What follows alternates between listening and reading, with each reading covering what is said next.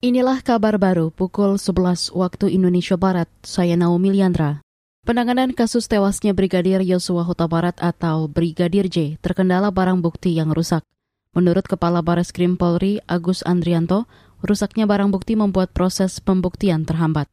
Karena itu Agus memastikan akan menjerat anggota Polri yang diduga terlibat merusak barang bukti baik itu menghalangi proses penyidikan, menghilangkan barang bukti, menyembunyikan barang bukti, sehingga menghambat proses penyidikan setelah menjalani proses pemeriksaan kode etik, rekomendasi daripada Bapak Irwasum nanti akan uh, kita jadikan dasar apakah perlu kita lakukan peningkatan status mereka menjadi bagian daripada para pelaku yang tadi ada pasal 55, 56 adalah ada yang melakukan, turut serta melakukan, menyuruh melakukan perbuatan pidana atau karena kuasanya dia memberikan perintah untuk terjadinya sesuatu kejahatan.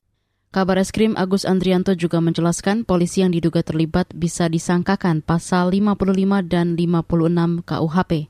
Dua pasal itu juga dijeratkan pada Baradae yang lebih dulu menjadi tersangka pembunuh atau penembak Brigadir J. Saat ini sudah ada 25 personil Polri dari berbagai pangkat yang diperiksa tim khusus karena tidak profesional menangani TKP dan barang bukti.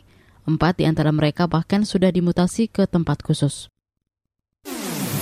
Kabar Pemilu Kabar Pemilu Partai Demokrat berencana mendaftar ke Komisi Pemilihan Umum KPU sebagai peserta pemilu 2024 siang ini. Komisioner KPU Idam Holik mengatakan Partai Demokrat dijadwalkan mendaftar sekitar jam 2 siang nanti. Kemudian pada hari Minggu giliran Partai Gelora yang berencana mendaftarkan diri ke KPU. Sejauh ini sudah ada 11 partai yang mendaftar, di antaranya PDIP, Partai Keadilan dan Persatuan, PKS, Partai Reformasi, Partai Rakyat Adil Makmur. Kemudian Perindo, Partai Nasdem, Partai Bulan Bintang, Partai-Partai Negeri Daulat Indonesia, Partai Kebangkitan Nasional, dan Partai Garuda. KPU membuka pendaftaran partai politik mulai tanggal 1 sampai 14 Agustus 2022. Saudara, demikian kabar baru KBR. Saya Naomi Liandra undur diri.